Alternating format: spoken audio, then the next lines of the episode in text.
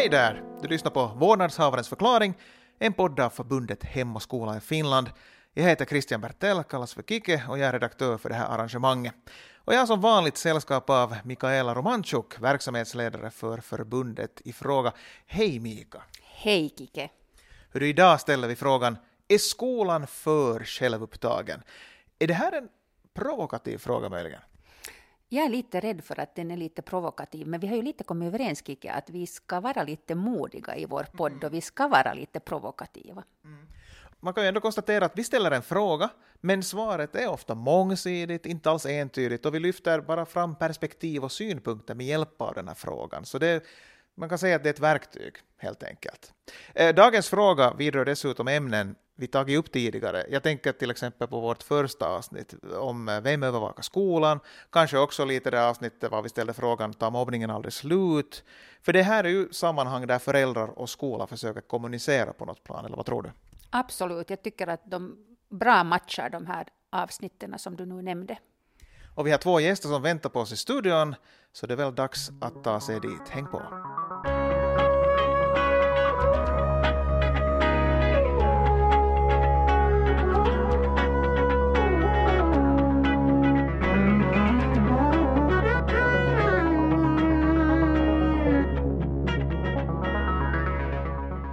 Och det är dags att välkomna med våra två gäster. Jag säger eh, hej till eh, Mikael Mischa Eriksson som är rektor vid Kyrkslätts gymnasium. Ja precis, hej, fint hej. att få vara här.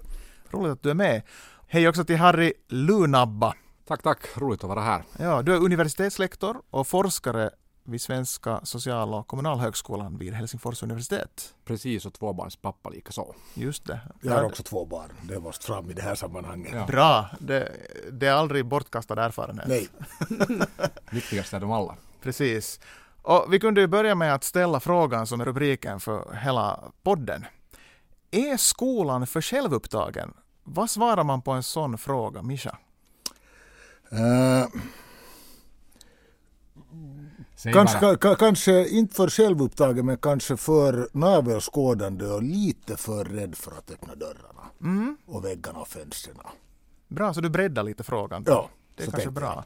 Vi hade nämligen eh, lite problem med att försöka hitta den där rätta frågan och vi fastnade för den här är skolan för självupptagen? Men det kunde ju lika bra ha varit lyssnar eh, skolan på föräldrarna, bryr sig skolan om föräldrarnas synpunkter och så vidare. Och så här. Ja. Men Harry, vad, vad, säger du om den frågan? Är skolan för självupptagen? Jag har ju funderat på det här och, och vill på något sätt framstå diplomatiskt. och, det där. och jag tänker alltså att man kan ju, liksom, skolan är en offentlig institution och, och, och, så kan man jämföra kanske skolan med andra offentliga institutioner. Det finns någonting särskilt med skolan. Och det där, jag tror ju inte att skolan är den mest självcentrerade, självupptagna institutionen som vi har här. Att jag skulle jättegärna jämföra den med specialsjukvården som jag tycker är särdeles självupptagen mm. i flera avseenden. Och vi är ändå ganska nöjda med den institutionen. Men sen tror jag att vi kan också diskutera helt att hur, hur ska vi då göra skolan möjligast delaktig? Vad, vad innebär det där att, att, att dörrarna inte ska vara, vara stängda och, och vad är det vi kanske måste tänka på för att slippa vara så navelskådande i den här skolomgivningen. Mm. Jag kunde eh, slänga också över frågan till dig Mika. Att, vad, vad säger du till frågan, är skolan för självupptagen? Jag tänker så här att, att kanske både och. Att jag tänker så där historiskt sett så tycker jag att skolan har blivit en mycket öppnare institution. Redan på de 30 åren när jag har verkat som lärare eller jobbat med skolfrågor. Men, men jag tror att det finns en historisk förklaring till att, att skolan har haft ganska stängda dörrar och det, har, det är ganska nytt det här, att, det här tänket att man ska öppna upp skolan för föräldrar. Så att jag tror att lite som ni sa här i början, eller Mischa sa också här i början, att, att det finns säkert mycket ännu som man kan göra för att, mm. att göra skolan mindre självupptagen, om det nu är det som är det rätta ordet. Mm. Mischa, du som är rektor, hur ofta är du i kontakt med föräldrar? Uh, före vi nu före jag svarar på den här frågan så måste jag ju ännu liksom lite för våra lyssnare förtydliga att jag är ju de facto också rektor i ett gymnasium mm. där den här föräldrakontakten traditionellt har varit lite sparsammare än i grundskolan. Ja. Att det är, gymnasiet så innebär ju hemskt ofta också någon form av så här självständighetsrit för de här ungdomarna. Mm. Vilket betyder att de ungdomarna dels ogärna ser att man i tid och otid kontaktar hemmen och föräldrarna drar oftast en lättnadens suck att haha, nu, nu, det där, nu sätter de sig själva. Mm. Uh, Så när vi då tänker då på den här föräldrakontakten med grundskolan så är min nog kanske inte fullt lika, lika omfattande. Men jag ser en förändring. Jag har en kollega som brukar säga att uh, gymnasiet släpar 10-12 år efter grundskolan och där var grundskolan har varit till exempel i sig stödundervisning och liknande så håller gymnasiet på att komma efter. Och det här gäller antagligen i allra högsta grad också den här föräldrakontakten. Mm. Det är kanske jag har varit mycket nu på grund av de här coronaomständigheterna. Har jag haft mycket kontakt med föräldrarna och hemmen i och med att mm, det har funnits mer att hålla reda på. Unga som är, ungdomar som är hemma och, och det där, vi behöver det där hemmets stöd i ganska stor utsträckning. Men i övrigt så skulle jag säga att mm, inte definitivt inte varje vecka utan ska vi säga några gånger i månaden. Mm. Och ofta handlar det då om egenskap av rektor av någon form av ska vi säga massutskick och liknande. Att det här okay. personliga samtalet till den här familjen så det faller inte ofta på mitt bord utan okay. ofta på grupphandledarna. Ja. Men händer det sig att, att uh, det kommer föräldrar som kommer med egna personliga tankar eller önskemål eller krav till och med som du måste på något vis ta i beaktande eller de önskar att du ska ta i beaktande? Uh, inte, krav skulle jag aldrig kalla det. Mm. Men, det där, men definitivt önskemål och, och det synpunkter och åsikter på vår verksamhet. Och hemskt ofta upplever jag dem också som ganska konstruktiva. Mm. Det vill säga en, en bra feedback på vad vi gör och, och glädjande nog ibland också ryggdunkar. Att se där, där gjorde ni bra och då vet man om att man gärna fortsätter på den linjen. Mm. Harry, din forskning berör inte sällan skolmiljöer och utbildning. Vad, vad är din inblick i, i skolan som auktoritet, speciellt då i förhållande till föräldrar? No, alltså jag tror att, att skolan utvecklas och jag tror att skolan utvecklas i, i rätt riktning. Jag tror att vi kommer från en ganska, ganska sån där eh, auktoritetbaserad institution till kanske till fördel för en mer, mer dialogisk enhet. Och, det där, och just nu tycker jag att, att det, det finns en ganska stor variation. Jag har ju haft glädjen att ha, ha barn då det är grundskolan det som man nu uppenbart ser är skillnaden mellan olika lärare och lärarnas olika orienteringar. Att, att, att man kan se ganska tydliga skillnader ifall läraren, läraren är så att säga familjeorienterad eller för, föräldraorienterad eller kanske upplever det, upplever det besvärligt eller upplever det som obekvämt helt enkelt. Mm. Uh, så jag skulle säga att, att, att skolan alltså utvecklas alldeles i, i, i, rätt riktning. Det finns vissa saker som jag kanske, om jag tänker på, på skolans utveckling, så det där uh, just den här liksom, tanken på något sätt att, att liksom, skolan ska serva föräldrar eller, eller vara, vara på något sätt liksom, tillmötes på ett sätt som kanske inte heller alltid är önskvärt. Jag tycker att den här tanken av, av klientrelation till exempel som man ofta, ofta tyder sig i offentliga sammanhang, man liksom lite tänker, tänker sig att, att man ska liksom behandla Äh, skolans liksom medlemmar som, som klienter så tycker jag att det är en, en, en ledsam utveckling. Jag tycker att skolan ska absolut vara en skola och, och jag är inte hemskt Alltså jag tycker att skolan får i viss utsträckning också vara så att säga äh, konservativ och ha ett visst självförtroende. Och det där och i skolan finns det ju kunskaper som, som, som man, man, man, man lär, lär ut. Och det är en sån här liksom allt för långtgående sån här uh, liksom bugande och bockande mot föräldrahållet kanske inte ja, alla, alla, alla gånger heller, heller önskvärt. Så jag ser att, att vi befinner oss i, en, i, en, i ett utvecklingsskede. Det här är en fråga som absolut tål diskuteras. Och sen framförallt tror jag att, att då det kommer till, till de barnen som har lite specialbehov så tror jag att det finns ganska mycket vi kan ännu, än, än, ännu göra avigsidan med utvecklingen är, är tycker jag det att, att, att vi har sedan 90-talet har vi tänkt ganska mycket på pengar och det kommer till offentliga institutioner och det kallas för det här med new public management och vi, vi det där bygger upp institutioner med klara procedurer och processer. Och det här är någonting som man nog stöter på ganska ofta när man till exempel när någon tar kontakt med, med det där med, med hemmet, då det till exempel kommer till ett specialbarn, så väldigt ofta tror jag att det initiativet kommer för att det passar in i skolans processer. Och det där, inte kanske alla gånger på det sättet att man har, man, man, man det där utgå ifrån att det finns ett barn som eventuellt skulle behöva.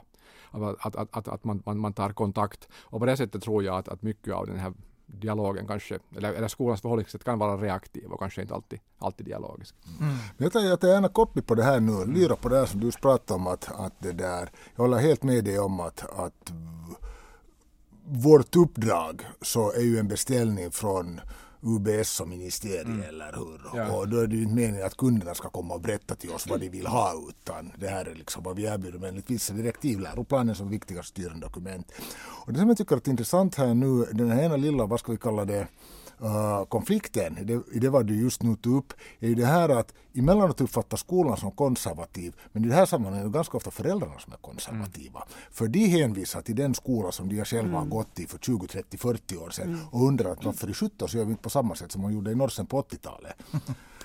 och det där. Jag håller helt med. Ja, och, och, det, och det, det komplicerar ju. Mm. Och då får man ju, jag hade faktiskt här för bara par veckor sedan så hade jag ett föräldramöte, måste tyvärr ha det på distans, med info om studentskrivningarna för årets föräldrar, vårdnadshavare till årets två. Jag måste börja med att säga att era barn kan mer om det här än ni. Mm. Att nu får ni nolla allt vad ni kommer ihåg från er skola. Det har hänt så mycket att glöm mm. bort det. Att nu var det här är nu the real deal. Mm. Ja.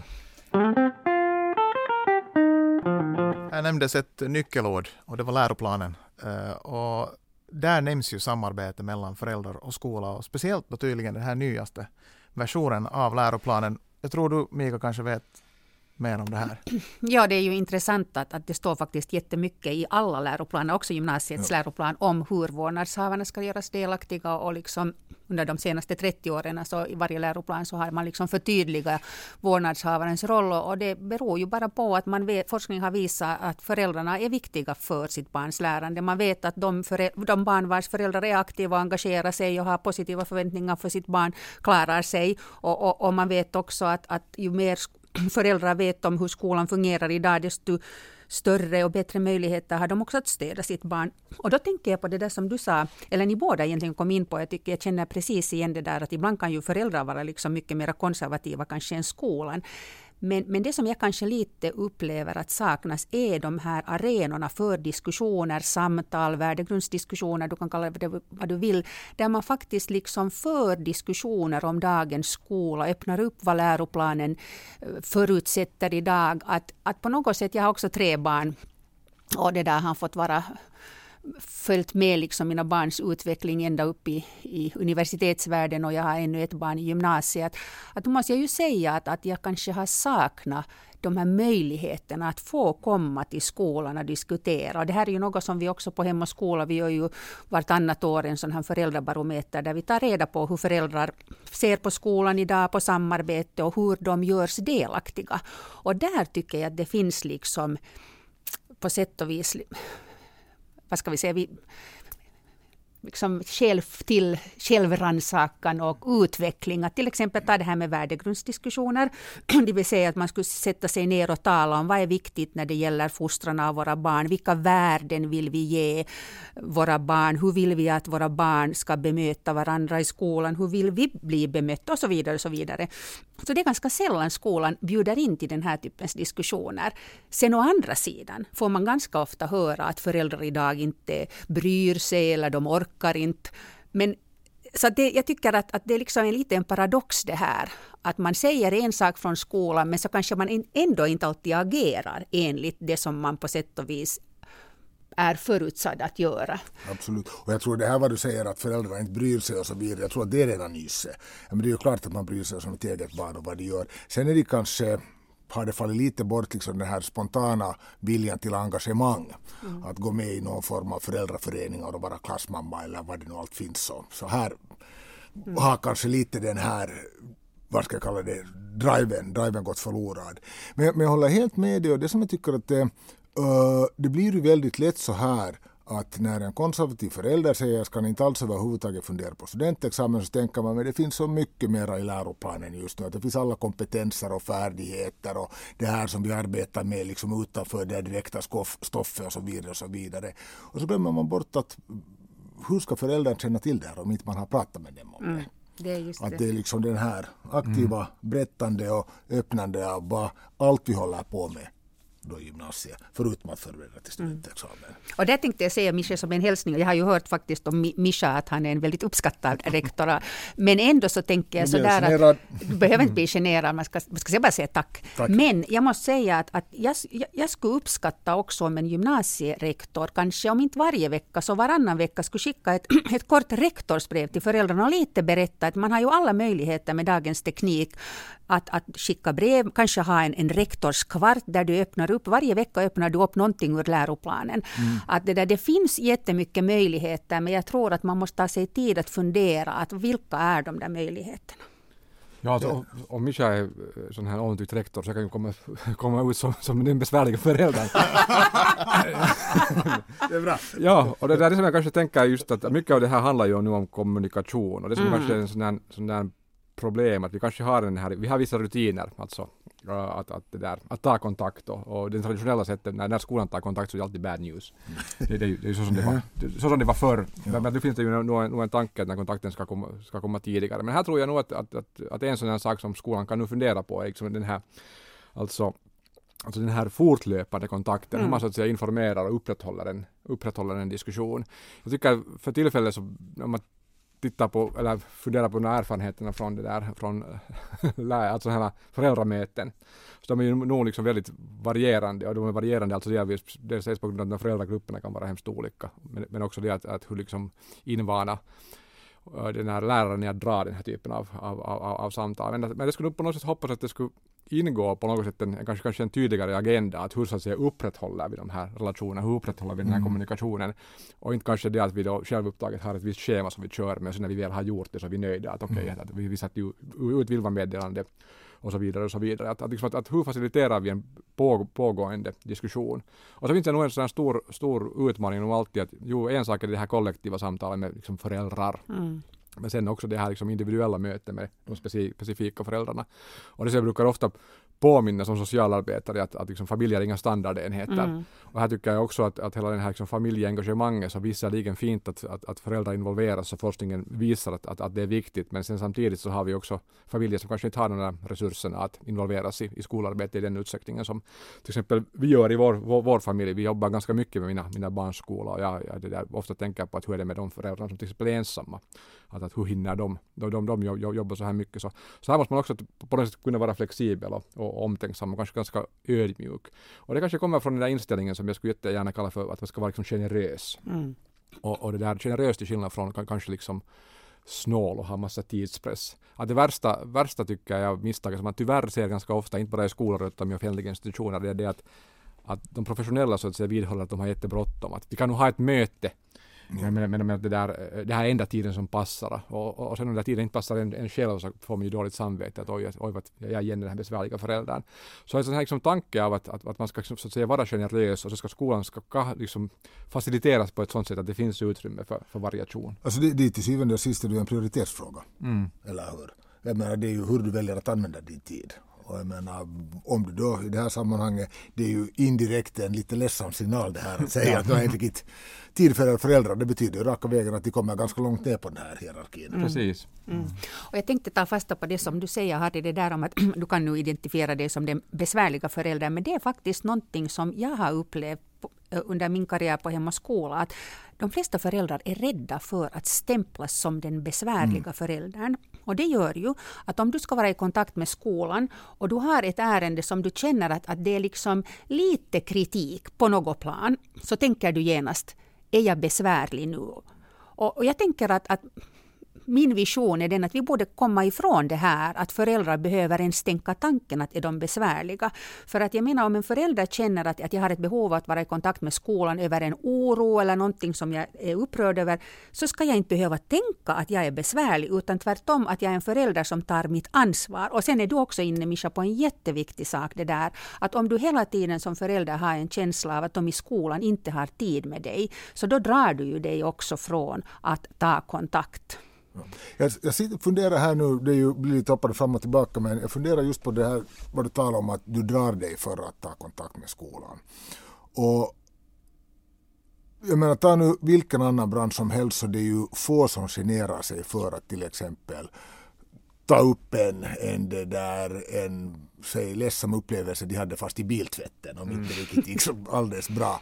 Eller om de då blev otrevligt bemötta eller hade liksom någon återkoppling på sitt besök på Lidl eller något i den här stilen. Där är det ganska lätt att lyfta luren. Uh, varför skolan då liksom är den här besvärligare institutionen kan det ha någonting att göra med att där upple- du upplever ju lätt att det är ditt eget barn som blir i kläm där då. Att det är liksom den, den som och jag hoppas verkligen inte att det är på det här sättet, men det uppstår lätt den här känslan då att det är mitt eget barn här sen som på något sätt sen får sneda blickar för att hen är barnet till den besvärliga föräldern. Ja, att skolan har ju makt och, och, och, det, och det, det, det, det är det som inte biltvätts skötaren har, har, har, har alla gånger och, och det där. Och, och, många gånger så är det ju så att, liksom att, att, att till exempel barn med, med specialbehov så, så där makten är ganska konkret, det, det är makten att ordna till saker och ting. Och, och, och kanske liksom makten av att, att välja eller att låta bli att, att tänka det lilla extra som behövs här. Och här tror jag nog att, att, att framförallt barn som har då liksom behov av det lilla extra så, så det där kanske dras från att vara alltför kritiska. Mm. För det kan just ha helt konkreta konsekvenser. Att, att det där, eller man, har, man, man har den där upplevelsen. Jag hoppas förstås att, att det, det, inte skulle vara så. Men att, men att det där, jag, jag, jag känner nog igen, alltså, jag, jag kan så mycket erkänna att vi, vi väntar på besked från skolan och, och det där, jag är lite i valet kvar att, att när ska jag skicka påminnelse, att när kommer den här och det, det har nog lite att göra med det här, att man vill, vill göra dem upprörda.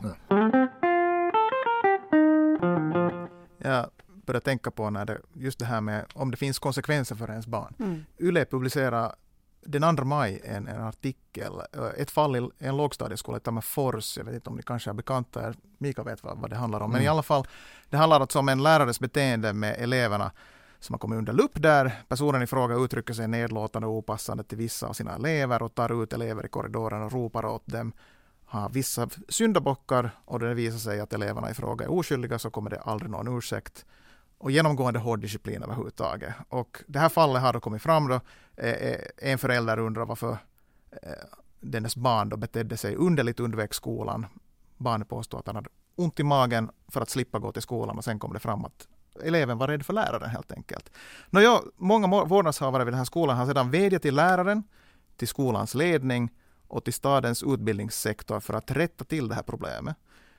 Och det visar sig vara överraskande jobbig process. Eh, man skulle tro att det här är ganska sådär att rakt, rakt mm. fram bara, för det här är ett klart problem. Man har föreslagit möte mellan familjer och skolans representanter, men skolan har inte varit tillmötesgående här. Skolpsykologen, specialläraren och skolans ledning känner till beteende. Och Yle var i kontakt med rektorn som säger att den inte tar ställning i fallet. Det kanske man kan förstå, att inte göra det offentligt. Men enligt rektorn så brukar fallen lösa sig genom samtal och ibland kan orsaken vara missförstånd mellan lärare och elever. Och det här är någonting som har pågått då i ett antal år verkar det som. Sen pratar Yle också med chefen för grundutbildning i Tammerfors stad, Kristina Järvelä, som säger sig förstå att det kan se ut som att staden inte gör något, men att det sker en del omorganisation och disciplinära åtgärder nu, men de kan inte någonsin berätta det till medier till exempel, att de mm. håller på med det kan man också förstå. Men, men så säger det samtidigt att de kan inte gå in och göra ett beslut åt den här rektorn. Det är rektorn som gör beslutet och det är ju rektorn som bestämmer vem som lär vilken klass och så vidare. Men det känns som att det här är en sån situation där var föräldrar är helt bakbundna och där kanske också finns en sån där att om det är, man upplever att den här läraren är sån där som för en hård disciplin mm. och dessutom har skällt ut ens eget barn kanske i korridoren så då kan man ju på riktigt vara rädd för att, att det blir vidare eh, händelser i det här sammanhanget om inte liksom går vidare på något vis. Man har inte ens något samtal. Men det är nog svårt att vad gör man då? Om inte man vill blanda in Avi? Ja, absolut. Men om vi sen då ytterligare tänker oss att det faktiskt inte är alldeles klara och ty tydliga övertramp av något slag utan mm. ska vi säga bara ett otrevligt beteende. Mm. Jag menar vilket inte nödvändigtvis behöver innebära tjänstefel eller rent av lagbrott eller något i den här mm. stilen utan, utan mm. Ni förstår vad jag menar? Jo, ja, ja. ja. det, men det, det, det, är lite intressant det där. Jag har faktiskt läst det här caset och jag kom osökt att tänka på när du berättade om det här i en situation där det ju faktiskt jag som rektor blev tvungen att ha ganska många samtal kring beteende och uppförande överlag och det var ju liksom i de här uppföljningarna av det här metoo. Mm. När rätt ut tre liksom en massa sådana här som tidigare kanske du bara hade upplevt som liksom lite om inte nu kärva skämt men något ditåt när det inte överhuvudtaget var kommit få.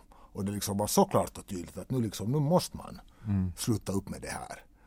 Och nu var det en ganska god stund som som det där, de här diskussionerna måste föras. Alltså du menar att du måste ta i det med dina kollegor? Ja, eller dina, ja kollegor och så precis, vidare. Ja, precis, ja. Att det var liksom en, fanns en, emellanåt kanske en, en lite det där, somliga skulle kalla det grabbig linje och liknande, men, men det där som, som helt enkelt bara så klart och tydligt inte hade passat sig tidigare, men nu var det så obvious, att, så tydligt att det, det går inte mera. Mm. Att, att man måste nu liksom byta jargong. Mm. Och det här var inte heller någonting där jag nödvändigtvis skulle kunna hänvisa som sagt till tjänstefel eller lagbrott eller något här, utan bara att vi är förbi det här nu. Att det här representerar inte skolans linje. Vi kan inte jobba på det här sättet eller, mm. eller det där bemöta våra studerande på det här sättet. Men det här är nog en liksom svår sak och vi befinner oss just nu i en sån här tid när, när liksom vi, är, vi är hemskt känsliga liksom, ja. över, i största allmänhet. Det här är alltså en sån här scen som jag jag gjorde studier i ett, högsta, i ett högstadieskola och gick, gick högstadiet om under ett år. Och det, det fanns en lärare som jag, då, eller en klass som jag, som jag följde med länge och det var en lärare som var hemskt omtyckt och på alla sätt och vis en underbar pedagog. Och det var en situation där när det var tal om läxor och så var det några killar som sa att, att, att killar, killar som lyfte fram att de kommer inte att göra läxor eller liksom lite så käftade så allt, allt var liksom inom ramen för, eller kontexten skämt. Ja. Och det där och, och, och, och, så frågade en av de där killarna läraren att, att vad gör du om vi inte gör läxor? Och så sa den där läraren tillbaka att då hackar jag dig. Och, det där okay. och i det här sammanhanget med 15-16-åriga elever, så det var, det var, det var jättefint spelöga, det, liksom, det upplöste sig. Alltså det, det, var, det, var, det var ett skämt, det var, mm. det var, det var liksom på alla sätt och vis så här liksom att, liksom att, att pojkarna skämtade med läraren och läraren skämtade tillbaka. Och det där.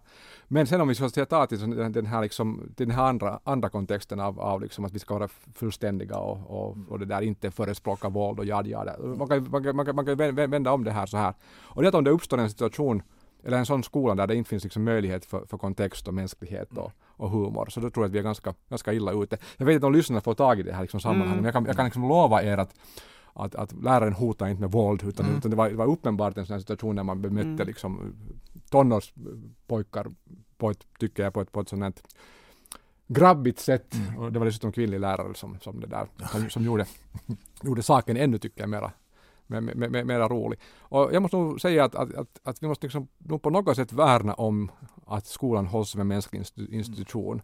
Och, och, då tror jag att det som alltså behövs är utrymme, liksom utrymme för dialog, utrymme för diskussion, utrymme, utrymme till nytolkning och så vidare och så vidare. Mm. Och sen tror jag nog att, att, att vi som liksom föräldrar och också elever, så liksom att, att, att ifall vi vill ha en sån där, ifall vi vill liksom åberopa alltid konsumentskydd på något sätt, att vara, vara klienter, så då kan vi inte heller liksom räkna med den skolan som vi har själv, själv varit, varit med och då, då är det en annan skola. Och då blir kanske liksom rutinerna i skolan ganska mera, mera sådär liksom standardiserade och, ja. och bemötandet blir kanske mera stelt och så här. Mm. Och jag vet inte om någon vinner på det. Mm. Så finska skolsystemet har, har ju byggts upp med förtroende. Och det är kanske det som vi måste, vi måste värna om. Men samtidigt om vi tar det här caset i Tammerfors som, mm. som jag ändå liksom blir ganska orolig över för det är ju tyvärr så att trots att, att, att det är väldigt ovanligt och sällsynt att lärare mobbar sina elever i dagens mm. skola. Det var ganska vanligt ännu när våra föräldrar gick i skolan. Mm. Så, så tänker jag att vi ska nog vara liksom lyhörda också för det mm. att vi ska inte liksom förminska om Nej. lärare beter sig illa i sin profession för att det där, sen är ju barn olika. Jag, för, jag förstår den här ja. kontexten som du nu talar om men sen samtidigt så barn kan vara så olika att, att det där, jag har en, en vän vars barn tyckte att det var jätteobehagligt när den här läraren svor på timmarna, mm. ofta svor på timmarna. Och, och, och, då blev det liksom jättejobbigt för den här min väninna, att hur skulle hon ta upp det här med den här läraren, att mm. hennes barn tycker inte att det är okej okay att du svär. Och, och liksom, så att, och, och något, något annat man tycker inte att det är så farligt. Mm. Så att det där, och sen om det, om det blir taget ur sin kontext nu att jag ska hacka er, så om man bara får höra det som förälder så är det ju klart att man kanske tar kontakt ja. och då måste man ju få just den här förklaringen och inte, inte liksom få höra att du ska inte vara besvärlig och du ska inte det här överdriva och så vidare. Mm. Och du var Mischa nog inne på någonting som jag tror att är orsaken till att föräldrar är försiktiga. Det vill säga att, att du kan ge feedback till Lidl därför du vet att, att deras, liksom de har gått i skolan att, att kunden har alltid rätt och de har inte en maktposition som man har som lärare. Och då har man också, har man mera makt så har man också mera ansvar för, tycker jag, liksom relationens art. Och, och det där ja, och jag, jag har själv också, fast jag är lärare i grunden, så har jag också varit med om det där att jag har tänkt att, att ska jag nu skriva till skolan, därför för att den där tanken är just den, kommer det att gå ut över mitt barn? Mm. Och varför frågar jag det? Jo, därför för att det har gått i tiderna ut över barn. Men också i dagens läge. Jag gjorde faktiskt en gång så att jag fick ett, ett, ett Vilma-meddelande så jag tyckte att det var jätteosakligt. Mm. Och, och, då tänkte jag att jag har ju liksom ansvar både som, som förälder men också kanske eftersom jag jobbar på Hem och skola, att bemöta det här. Så jag skrev ett, ett väldigt artigt svar där jag skrev åt den här läraren, jag tycker inte att man kan uttrycka sig på det här sättet, att det här är inte okej. Och jag kollade det här ännu med många av mina lärarvänner och min man som är lärare. Är det här sakligt och bra? Ja. det, det var bra. Och jag fick aldrig något svar, men min son hade fått en pik i skolan. Oj. Så att jag menar, det här händer. Mm. Så att det där, på den, ja, jag tycker inte att vi kan heller liksom bara låtsas mm. att, att allt är bra. Nej, Nej och vi kan inte, vi kan inte försvara alltså osakligt beteende. Nej. Det kan vi absolut inte göra. Jag tycker inte, jag tycker inte lärare ska svära. Alltså, det, det, spontana Men, människor brukar göra det och, och många spontana människor är också generösa. Mm. Men på något sätt liksom, att det finns ju visserligen alltså, det finns saklighet och osaklighet och, och det, är, det är sådana saker som nu i Tammerfors så det första steget ut, reda ut det, vad det som, som på riktigt har skett där. Ja, och det som är väldigt konstigt ja. är ju att det är föräldrarna tydligen, vårdnadshavarna, som har inbjudit till diskussion och skolan tar inte tag i det. Ja. Det är ju jättekonstigt. Ja, Precis. ja absolut. Jag menar, för att falla tillbaka till det här som du just Mika, så på något sätt Tammerfors i storskala och du liksom de enskilda casen så så vi är liksom lite här i, i kärnan av den här, den här diskussionen. Vad är det som gör att de här skolan och den enskilda läraren så lätt går i igelkostposition? Mm. Mm. Och det är i samma sekund som det kommer en utomstående och då liksom vill alldeles sakligt tydligen, som jag gott och väl kan föreställa mig att du har fram det som också, vill ta upp det här. Så då, liksom, då slår man ifrån sig, drar ner rullgardinerna och sticker ut, ut taggarna. Uh, är det ovana? Att det inte liksom finns i kulturen det här eller är det liksom en, ett sätt att försöka värna om den egna professionaliteten att man inte liksom tar in de här, vad ska vi kalla det, om inte nu ifrågasättande mm. men ändå liksom de här, de här feedbacken utifrån Eh, uh, läraryrket har ju väldigt länge traditionellt varit ett mycket ensamt yrke. Du går in och du är ensam i klassrummet med din klass och jag menar bara ett kollegialt samarbete är inte speciellt vanligt kompanjonlärarskap och så vidare, någonting som har kommit ganska nyligen. Så det är att någon ett klampar in på din domän och dessutom utifrån skolan. Mm. Så det är inte heller liksom någonting som är alldeles... Ja. Så jag menar många av de här faktorerna kan eventuellt spela in och då är ju en av de här stora frågorna som du också var inne på här Mika, hur begår vi? Hur ska vi göra för att montera ner den här synen mm. eller den här approachen till, mm. till, ens, till ens skrå och till ens Ja, alltså en igelkotts försvar bygger ju på det att igelkotten har inte andra försvarsmekanismer förut, förutom den där. Och här tror jag att den här poängen är nog på något sätt det att, det att alltså en, en skola som är stark och en skola som har så att säga olika tillvägagångssätt och har liksom många strängar på lyran så tror jag att kan, kan liksom agera på ett, på ett nyanserat sätt. Och det är kanske dit att vi ska komma till. Och på något sätt tänker jag nog att det här liksom att att samtidigt så när skolan så att säga ska öppnas upp och bli så att säga dialogisk och tillmötesgående så jag tycker inte att skolan ska ändå inte tappa sitt självförtroende och på något sätt sin, sin stora syster eller storebror mm. roll för att jag tror ändå att, det, det är liksom, jag tror att det är liksom i skolans essens att den ska vara på, på, på sätt och vis alltså en förälder bland föräldrar och, och, och, och kanske till och med alltså jag tycker att skolan får gärna ha ja. en viss auktoritet där. Ja. Men nu tänker jag snabbt, ja. sen får du söka fortsätta, jag märker att du har många ord ännu. Men är det samtidigt också ett tecken på starkt självförtroende, det är att du kan ta andra med i dialogen? Ja, exakt. Ja. Att man går inte sönder av det, man blir inte rädd av det, att du säger precis. någonting kritiskt. Och, det, och jag kan ta det. Nu vill Mika säga någonting här. Absolut. Det där. det där. Jag tycker just att de här är absolut inte varandra uteslutande. Mm. Att ju starkare självförtroende du har, eller, och bättre självkänsla du har, desto ödmjukare kan du vara, desto mera kan du bjuda in också föräldrar till dialog. Och jag har ett sånt konkret exempel. Vårt yngsta barn föddes med ett så kallat hemangiom, vilket gjorde att han måste vara väldigt ofta på sjukhus. Och det som på något sätt fascinerade mig var att den här proffsiga, högt utbildade läkaren alltid frågade hur tycker du att vi ska gå tillväga? Och en vacker dag sa jag till henne att att jag måste bara fråga dig, att du frågar alltid mig vad jag tycker, att, att det är ju du som är expert. Så sa hon, det är du som lever med det här barnet. Det är du som ser hur det här barnet fungerar i, i sin vardag och så mm. vidare. Och så vidare. Och då berättar jag att jag är lärare och så berättar jag liksom att, att, att på något sätt det här skulle jag önska att skulle finnas också i relationen mellan lärare och föräldrar. Så sa hon, vet du vad, sa hon, jag har också tre barn och jag skulle också önska det. Att jag har förvånat mig under de åren när jag har gått på så kallade utvecklingssamtal och de frågar aldrig mig vad jag som förälder tycker. Så att här tycker jag att, liksom, jag menar läkare, nu är de ju liksom auktoriteter om någon. Men jag tycker att de ofta är så på något sätt självsäkra att de behöver inte liksom de kan bjuda in föräldrar och fråga, okej okay, det här var nu en läkare, men jag kanske lite känner att det är lite så att, att lärare kanske borde jobba med sin egen självkänsla och inte genast gå i den där igelskottspositionen. Men jag tror att, att, ren, att man borde få in mer av det här i utbildningen. Ren det skulle kunna vara en lösning. Absolut, och sen, sen funderade jag nu är jag ute på okartlagd mark med så funderar jag också lite på det här sättet, men den här kulturen av, av dialog och av, av det där, någon form av, av, man kan till och med i det här fallet tala om skoldemokrati som också involverar föräldrarna. Så det måste börja inne i skolan. Och jag menar om inte man har en stark kultur av studerande elevdemokrati så hur lätt är det sen då att få in föräldrarna i det här sammanhanget? Det vill säga, det måste ju börja Mm. Där helt enkelt från inifrån väggarna, inte bara en ett välfungerande, välfungerande lärarkår utan också ett studerande elevengagemang som sen då naturligtvis naturligt flödar ut också till föräldrarna. Jag kom lite att tänka på när du sa det här, när du berättade om din erfarenhet och den här läkarens reflektion där också.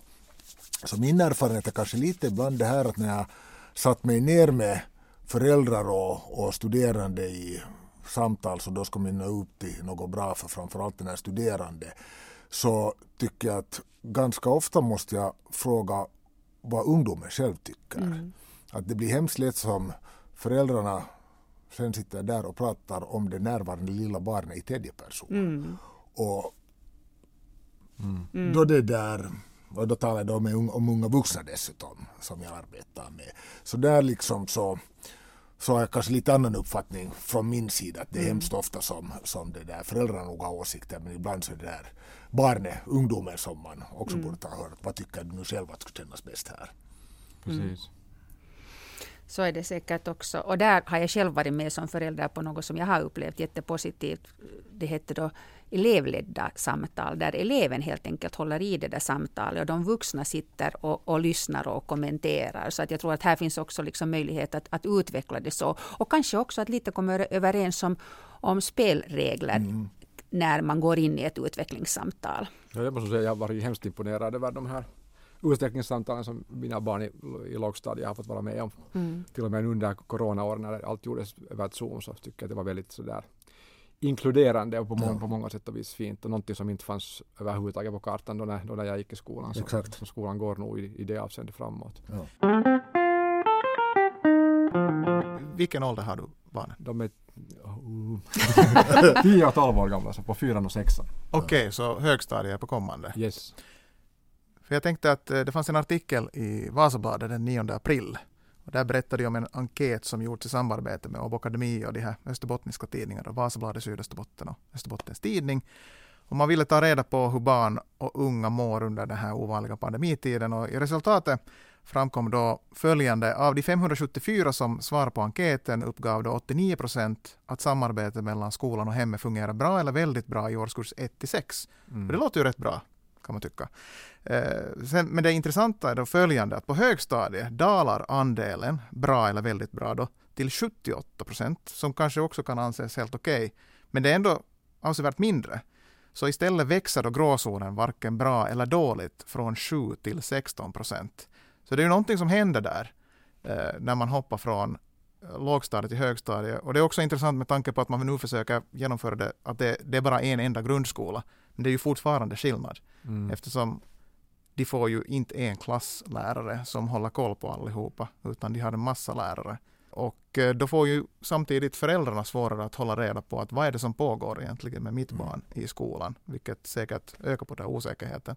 Finns det några tankar kring det här? Alltså jag tror att det här handlar hemskt mycket om det där att man liksom jag, tror, jag tror att här kommer den här skolans självupptagenhet lite så att säga med i bilden. För, för jag tror att orsaken för att föräldrar involveras med mindre barn mm. är det att det helt enkelt behövs. För att äldre barn har liksom bättre kognitiva kapaciteter att sköta ja. saker och ting. Så det har aldrig så att säga det har aldrig varit, eller det har aldrig byggt på, på, på föräldraengagemang på riktigt utan bara, bara det att få, få, få vardagen att rulla. Och här tror jag att man måste helt enkelt göra, göra, göra liksom en, en omtanke att, att, att, att det handlar liksom bara inte om skolan och barnet utan skolan och familjen också. Och, och det här med, med liksom insatser i högstadiet, det måste helt enkelt planeras in som liksom uttryckligen insatser för att främja samarbete med föräldrar. Det, det, det tror jag. Och jag tror att det, här betyder, behovet är på samma sätt också i gymnasiet. Mm -hmm. Att, att, man måste liksom mm. bygga, för det där behovet är inte lika konkret och påtagligt som, som, som under, under, under lågstadiet. Mm. Men att sen samtidigt så tror jag att, att hela den här Alltså, det som jag tycker att det behövs i fostran är det att, liksom att, att det finns liksom vuxenkollektiv som, som pratar om hur deras barn överlistar vuxna med jämna mellanrum. Att, och, och överhuvudtaget liksom den här liksom att, att få liksom en bild om vad det som händer. Jag tycker att det är hemskt värdefullt till exempel det att att om mitt barn har varit hemma hos någon annan förälder och så får man höra från den föräldern vad, vad, vad de pratar i det där i middagsbordet. Fast man, man lär sig väldigt mycket om sitt eget barn och det, det, det, är väldigt mycket information som kommer in. Och det här liksom tror jag att behövs i högre utsträckning, framförallt i, i, i högstadiet, för, för, att, för att den här, liksom, den här eh, kompetensen som, som barn och ungdomar har så kan ju också liksom, så att säga leda till saker och ting som alltid inte är önskvärda. Det kanske finns ännu större, större gråzoner där. Det är intressant att du nämnde det där, för att i samband med den artikeln så intervjuades då en förälder, Petra Bengs, som också är mm. väldigt aktiv i föräldraföreningar, också Hem och skola faktiskt. Sju år hade hon varit aktiv där. Ja. Och alltså hennes äldsta barn hade just börjat högstadiet, har väl gått slut sjuan snart då. Eh, och hon efterlyste just de här kontakterna. Mm. Eh, inte egentligen så mycket i skolan. Hon var väl ganska nöjd egentligen med liksom vad de hade meddelat angående just i de här mm. pandemitiderna. Men det hon saknade helt och hållet var det här med att hon hade ingen kontakt med de andra föräldrarna. Att hon önskade att om skolan skulle kunna facilitera någon typ av kanske inofficiella möten med de andra föräldrarna. Och för det fanns inte överhuvudtaget. Sen var det också intressant vad det här uh, rektorn Bernt Klockars på Vasa övningsskola handlar det om allt här nu, både låg och högstadie. Så han påpekar följande att juridiskt sett ska ett barn i takt med att åldern tilltar ha större möjligheter att påverka sina omständigheter. Men mm. skolan ska förstås fortfarande kommunicera med föräldrarna. Lite vad du sa faktiskt där mm. tidigare Mischa, eh, om att de vill bli självständiga. Samtidigt så är de fortfarande underåriga och det är föräldrarna som har det har ansvar för sina barn, så de måste ju veta vad som händer. Absolut. Mm. Och jag menar, vi inte talar om stadier som jag arbetar i så blir det ju helt nytt det där bollspel inkommande höst när, i och med den förlängda läroplikten. Mm. mm. Där föräldrarna och familjen kommer att ta ett helt annat ansvar för att se till att de då uppfyller sina studier på gymnasiet. Mm. Att alldeles utskrivet i lag att, att de liksom bär egentligen större, största ansvaret för att de ska fullfölja sina studier eller, eller sin läroplikt till de 18 år. Så den här det här, vad ska jag kalla det, ansvar eller uppdraget som föräldrarna har så det är inte någonting som vi då ska få dem att känna att det är påtvingat dem eller utan det är ju i allra bästa sam samarbete med skolan sen då liksom som den här uppföljningen måste ske och, och det där fungerar. Mm. Det här påminner mig lite om, jag läste ganska nyligen att vår barnombudsman Elina Pekkarinen skrev, tror jag, något utlåtande, eller kanske hon blev intervjuad om att, att det finns liksom på något sätt lite en osund kultur i Finland, att, att vi hemskt snabbt vill göra våra barn självständiga. Att, kommer ni ihåg, man talade om mm. nyckelbarn när ja. vi var små, att, att ja. ju tidigare barnet fick en egen nyckel runt halsen, så det, desto bättre, desto ja. bättre var mm.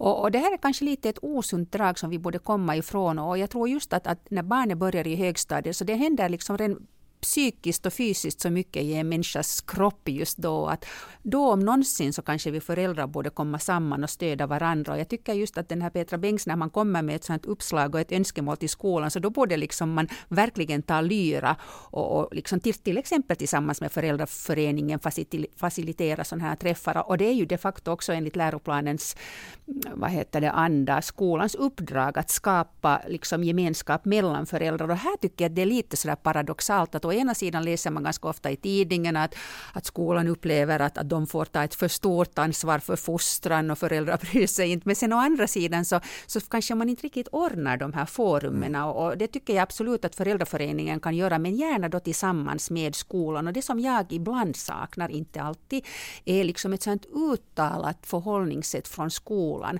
Att ni är viktiga, ni är också viktiga för varandra. När ni star, liksom skapar nätverk så stöder ni också välmående bland kollektivet. Och, och kanske lite också det här liksom lite opretentiösa förhållningssättet från, från lärare att, att det där, jag är professionell, jag kan det här med undervisning, men ni föräldrar, liksom, jag behöver också ert mm. stöd. Att lite det här liksom lite mera kroka arm och jag tror att det också har en historisk förklaring att när jag studerade till lärare för 30 år sedan så, så fostrades vi nästan unga lärare till att hålla föräldrar lite på avstånd och det gör man inte mera. Mm. Men det tar länge att, att vända en Absolut. sån här akuta. Så att jag tänker att läroplanen är helt liksom, ligger helt i tiden, men hur vi sen liksom på riktigt förverkligar dess anda, så där kanske vi inte ännu ändå i mål. Ja. Och sen är det kanske, du har helt rätt i att den här läroplanen tänker igen i gymnasieperspektiv Jag, vi har alldeles just avslutat en så här tvåårsprocess med den så den är i allra högsta grad i, i det där i frontloben för mig men den nämner ju föräldraengagemang på flera olika ställen men där det liksom nästan mest detaljerat, mest detaljerat lyfts fram är just precis då när studerande har utmaning med studierna. Att det är liksom sån här, varningsklockorna ska ringa. Det är lite det här mm. vad du också var inne på här tidigare Harry. Att, att man ringer när det är liksom någon krissituation. Att det är aldrig goda nyheter när, skolan, mm. när det rings från skolan. Och det här är ju om inte svårt att komma åt, men någonting som är skäl att tänka på. att Hur, hur skapar man just den här kommunikationskulturen som faktiskt känns sån här att det är det är vardagsbusiness mm. snarare än kris och, kris och glädje i extrempoler. Mm. Här, här, måste jag nämna ändå att Vilma som brukar få ganska mycket skit ibland, men uh, i, i det fallet tycker jag det är bra att det brukar komma de där små positiva meddelandena mm. från vissa timmar, att, uh, och speciellt om det är väldigt personligt skrivet ja. om, om uh, något av mina barn, att hej det där gjorde du bra, ja. och sen får man läsa det. Ah, Okej, okay. vad kul att veta att det gick bra just under den timmen, när de klarar av att knyppla just den saken. Jag måste snabbt berätta den här lilla anekdoten från way way back tidigt 2000-tal när jag hade, hade en studerande som jag fick jobba ganska mycket med. Jag jobbade som studiehandledare då vi höll på en hel termin med att försöka få den här studerande på rätt köl och det var mycket samtal med föräldrarna, möten och annat sånt här. Och, och sakta men säkert så gick det bra och, och den här ungen var på räls igen och det rullade på igen ett par perioder. Och så tänkte jag att nu måste du ringa till föräldrarna och säga att det här är ju att only good news den här gången. Mm. Så ringde jag upp det och den här föräldern som svarade så var alldeles uppskruvat. Oj nej, vad har nu hänt? Mm. Och så fick jag säga att det är bra, här är jätteroligt, att ah, inga problem överhuvudtaget rulla på. Oj nej, vi ska nog bättra oss, det ska bli bra. Det. Jag försökte gå på att nej, nej, mm. nej, att jag ringde bara för att berömma och så vidare. Oj, oj, oj, oj, att vi ska hoppas att det fixar sig nu och så vidare. Det var nästan som att tala till en vägg. För vad jag än sa så var det liksom, herre nu ringer det från skolan. Nu är det kris på mm. gång igen. Wow. Ja. Snacka om indoktrinering där på något vis. Eller hur? Ett gammalt system. Ja. ja. men på tal om det här Vilma så, så det där, alltså, om man riktigt funderar på, på Vilma som kommunikationsmedel så jag, jag håller helt med om att, att, att, att du kämpade bra eller mm. sådana meddelanden. De är, de är trevliga, de förgyllar lite vardagen. För de har ju inte kommit tidigare. Nej, och, och det, det är trevligt. Men att, men att det där har något av den där liksom, de negativa beskeden någonsin varit konstruktiva för någon någonsin? Att finns det någon ja. poäng i det? Att jag kommer ihåg när, när jag fick en gång, det är nästan det är en klassiker, det kom, det kom via Vilma besked om att mitt barn hade lekt med linjal. Oh, nej. Oh, herregud. ja, och då, och då tänkte jag att, att jag funderade hur ska jag liksom svara på det här och jag hade liksom lust att, att skriva att, att nu måste vi nog träffas. Ja. alltså, så kan vi ta ja, ja, ja. Men som, men som tur så, så gjorde jag förstås, förstås, förstås inte och, och, så att jag lämnade den i, den i ö-mappen. Men, men, men, jag tror att, att ett, ett sådant liksom negativt besked på det här sättet så funkar aldrig. Mm. Det kräver helt enkelt mycket mer. Men, men, men jag tar nog inte fasta på bara Vilma. Det snurrade för en igen ett par decennier sen så snurrade någon sån här fotografi på, på social, vad det var sociala medier mm. på den tiden, jag menar faxen eller något i den stilen. så, så det, var, det var ett foto av en anmärkningslapp ja. som man hade back in the days, ja. lappar som man fyllde i. Och där stod ungefär så här att, att gömde en extra knackkorv under potatismoset i matsalen. För man fick bara två då Exakt, ja. undan en tredje. Och det här var då bud hem och så här kan vi ta det.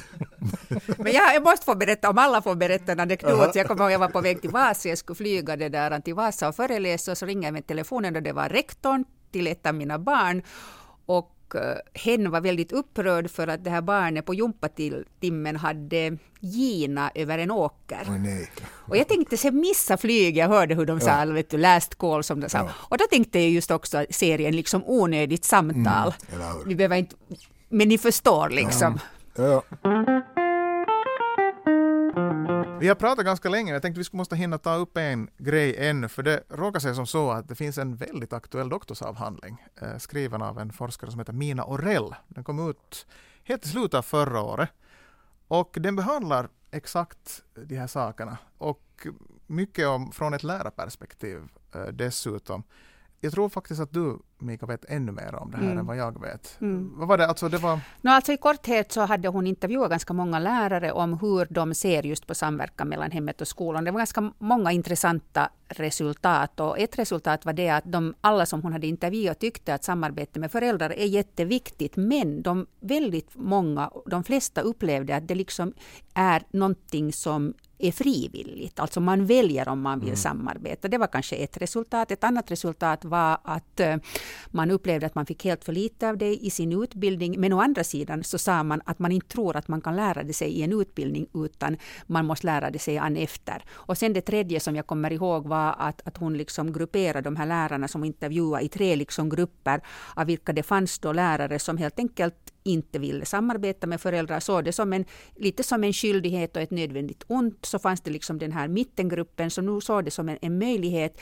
Och så att de själva var väldigt liksom, hur ska vi säga, professionella, men de upplevde ofta irritation när det gällde föräldrar, för de tyckte att föräldrarna så att säga inte eh, ställde upp i den mån de kunde ha gjort. Men så fanns det en tredje grupp som var liksom mera så här ödmjukt, eh, förhöll sig ödmjukt och, och liksom lyhört och tyckte att, att varje möte var en möjlighet för dem att lära sig någonting om barnet. Och då tänkte jag också på dig och, och, och Harry, din ditt kunnande om relationer. Att jag tänker liksom att, att där kanske det skulle finnas någonting för lärare att, att, och för oss alla kanske, att hur kan jag bli bättre i relationer med just föräldrar till exempel. Precis. Och, och relationsarbete så innebär ju alltså det att man så att säga bygger upp någonting och det där och relationer uppstår ju liksom genom egentligen tid och engagemang. Det är två olika komponenter som är hemskt avgörande. Att, man måste, det där, I och med att vi känner varandra från tidigare, vi har, vi har, vi har suttit i motsvarande situationer tidigare så är det helt annat att tala med dig om vi inte skulle ha träffats tidigare. Och det där, Jag tror det ska gått riktigt bra Harry ändå. Du är så reko- Rekoschysstyp. Trevligt, trevligt. Men, men, men, men relationer alltså är någonting på riktigt och, och, och det är det att de ska liksom skapas och etableras så, så behövs det tid och, tid och engagemang. Och det här måste nog säkert liksom ingå i, i liksom verksamheter. Och här tror jag, om vi kommer in till den här, liksom, jag inledde med, de här offentliga institutionerna. Så det finns ju till exempel specialsjukvården, så där finns inte egentligen alls relationsuppbyggande komponenter i deras verksamhet. Att, att, att det, där, det är väldigt sällan som, som man hör att eh, relationer prioriteras i, i, i, i, i sådana sammanhang.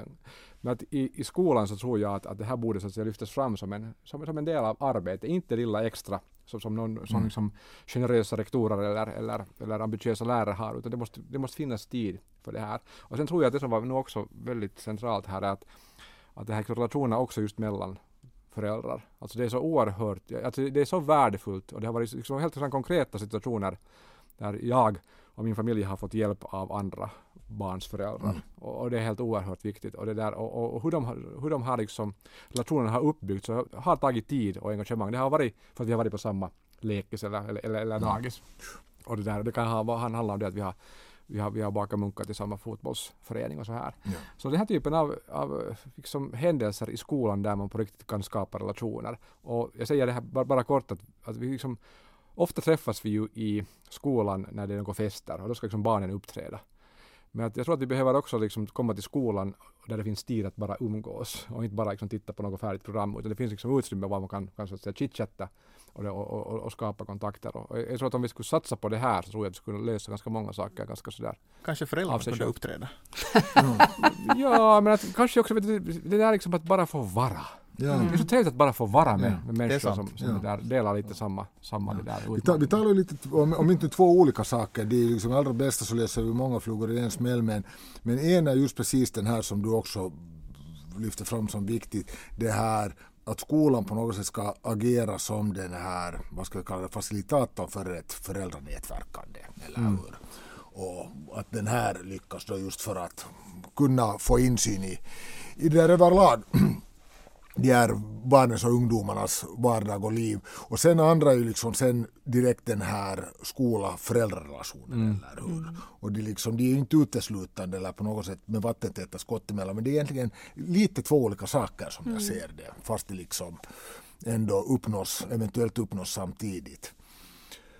Så, Alltså, det handlar om det offentliga sammanhanget. Jag tror att Ja. vi har varit alltid för mycket fokuserade på sådana formella saker, formella Mm. relationer. Och till exempel när vi löser konflikter så har vi formella klagan och den typen av procedurer. Men jag tror att vi måste satsa på de informella Mm. samtalen och på, på det mänskliga helt på ett annat sätt. Och det måste liksom så att säga lyftas in också i, den, in, i, i, så som en uppgift i offentliga sektorn. Att Ja. Det finns liksom informalitet och humanism och mänsklighet. Jag undrar bara att just eftersom det blir informellt och kanske då mellan Mm. föräldrar och lärare också, men finns det kanske en upplevelse från lärarens, skolans sida att, att man tappar liksom en, en del av auktoriteten i sådana sammanhang? Alltså om den bygger, om, om din auktoritet bygger på bara professionalitet Mm. och inte på på din person eller, eller ditt eget självförtroende så då, då gäller det nog att liksom jobba lite med sig själv tror Mm. jag. Att, att det där, Ja. Framförallt i ett mänskligt arbete när man jobbar med barn och Ja. ungdomar. Så då, då tror jag att den där människan måste finnas där. Ja, ja hörni, vad tar ni mer av det här samtalet? Mischa? Hör du, jag har faktiskt skrivit ner här ett par helt konkreta idéer för hur jag ska försöka nu gå vidare med att, att det där lite montera ner de här väggarna och, och om inte göra det mindre informellt men mindre om inte dramatiskt men, men liksom föräldramötet med stort F och allt det här. Att det var några, några jättebra poänger som Mika och Harry, konkreta exempel som de, som de lyfter fram. Som jag faktiskt tror att jag ska försöka pröva på redan nästa år, nästa läsår. För att försöka, försöka det där helt enkelt sänka tröskeln för ett alldeles en vardagligt prat mellan mig och, och vårdnadshavarna till mina studerande. Precis. Men sen tror jag nog också att, att, att vi föräldrar kan också fundera oss att hur vi så att säga närmar oss skolan och hur vi bygger upp Mm. relationer. Och, och det att, att hur vi föräldrar kan vara socialt generösa Ja. till skolan också, också, också till varandra. Att, att, det där, att kanske alltså, Jag, jag inte, tyck- inte vad skolan kan göra till ditt barn utan också vad du kan göra till skolan. Ja, men alltså jag tycker ju redan att, att skolan har lyckats. Om det är så här att ah, man inte, det inte känns som det skulle komma ett brev från utmätningsmannen när skolan ringer och, och, och, och, och be det här att det är hemskt enkelt att ringa upp Mm. och ta upp någonting som, som skulle vara viktigt just då för barnet, ungdomen eller någon mm, olägenhet man ändå skulle vilja diskutera lite och reda ut. Mm. Och att det är liksom en, en ganska odramatisk grej att hej att nu ringer vi till grupphandledaren eller till rektorn eller till någon bara för att prata igenom det här och, och reda ut det. Liksom. Flera odramatiska samtal. exakt, flera odramatiska sam, samtal, ja. ja. Så kanske vi hörde också där redan vad du Harry tar med dig från det här Ja, samtalet. jag vet inte vad kan jag tillägga någonting. Alltså, alltså, som sagt, skolan är på bra väg. Vi är alla så att säga delaktiga i det här också, vi, vi föräldrar och det där. Och, och vad ska jag säga? Jag har sagt så mycket. Det kanske räcker bra så. Kämpa på och en, en glad hälsning till mina barns, barns lärare. Jag tycker att ni är bra typer. ja. Fint. Mika, vill du ännu säga? Det som jag tänker att redan den här stunden här med er har varit så supertrevlig. Att varför inte just ordna sådana här träffar där föräldrar kan sitta och snacka kring ett givet tema. Och jag kan ju göra lite reklam för vi har faktiskt från och med hösten så kommer vi att, att lansera ett koncept som vi har tagit fram med Folkhälsan som heter Träffpunkt föräldrar. Och där är tanken just att föräldrar ska komma samman och informellt snacka kring något tema.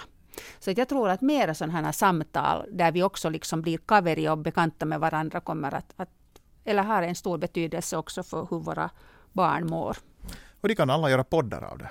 Precis! ja. Eller så gå in på Clubhouse som jag lärde mig idag, att man kan precis. föra sådana här poddsamtal på Clubhouse. Ja, men varför inte? Varför Precis. inte? Ja. Jag är så- Mischa vet inte vad jag, jag, jag, Clubhouse jag är är. sån stofil så du får visa Du får åt mig. googla Clubhouse Det är efter det här. grej. ja.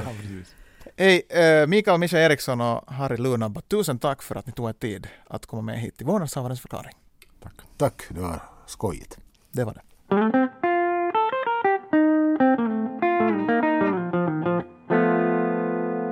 Nåja, där var det avklarat. Mika, kommer det någonting nytt för dig med här i det här sammanhanget?